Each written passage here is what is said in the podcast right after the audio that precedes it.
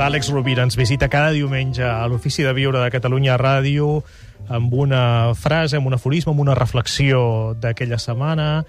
Uh, avui ens porta un aforisme que d'alguna manera uh, es comple podria complementar amb el de la setmana passada. Àlex, molt Sí, bon senyor, dia. molt bon dia, Uh, un aforisme de Krishnamurti. És un aforisme de Krishnamurti. La setmana passada recordem que vam llegir un fragment de text de Ralph Waldo Emerson on feia una definició de l'èxit atípica. No? Deia que l'èxit és comprendre, que és estimar, que és donar. Uh, I parlàvem també de l'autenticitat, no? de, de, de la nuor, de, de la humilitat, d'això que d'alguna manera ens portaria a un camí de l'èxit molt més proper a la realització.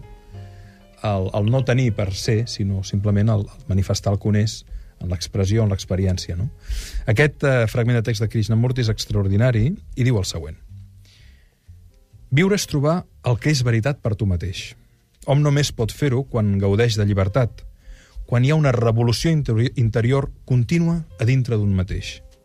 Si hom es pregunta constantment, si constantment observa i aprèn, troba la veritat. Déu a l'amor i la veritat. Déu a l'amor troba en la persona.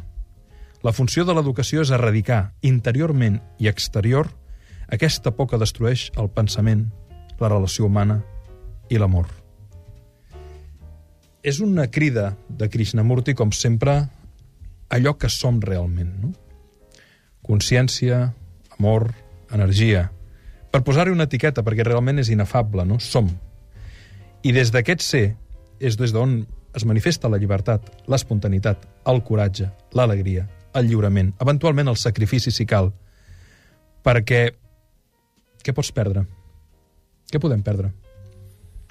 Suposo que quan, quan un atén a la invitació que ens fa Krishnamurti, des del silenci, des de la serenitat, des de la meditació, pot connectar amb territoris que el porten a la llibertat, no? que el porten a experimentar, a viure, no? a arriscar-se fonamentalment. No? El que és molt interessant és que ell diu que si ens preguntem constantment, si cerquem, si ens qüestionem, ens ve a buscar, digue-li com vulguis, l'experiència del misteri, l'experiència de l'amor, l'experiència de la veritat, no? Troben la persona i estem molt d'acord. Però abans t'has de buidar de moltes coses. I, curiosament, has de fer diverses travessies del desert. Has de confrontar-te amb les teves pors. Has de tenir desenganys. Has de perdre diners. Has de sentir-te que potser no has, no has culminat eh, aquella experiència amorosa tan desitjada. L'experiència del fracàs, de vegades, ben racionalitzada, ben apresa, i no estic fent apologia del patiment, ens porta a la nuor. El qüestionament d'allò que probablement no ens haguessin fet mai si no passéssim per la malaltia, sigui física o de l'ànima o econòmica o com sigui, no? Torno a dir, la paraula crisi té la mateixa arrel etimològica que crisàlida, que en castellà crisol, gresol, que Crist.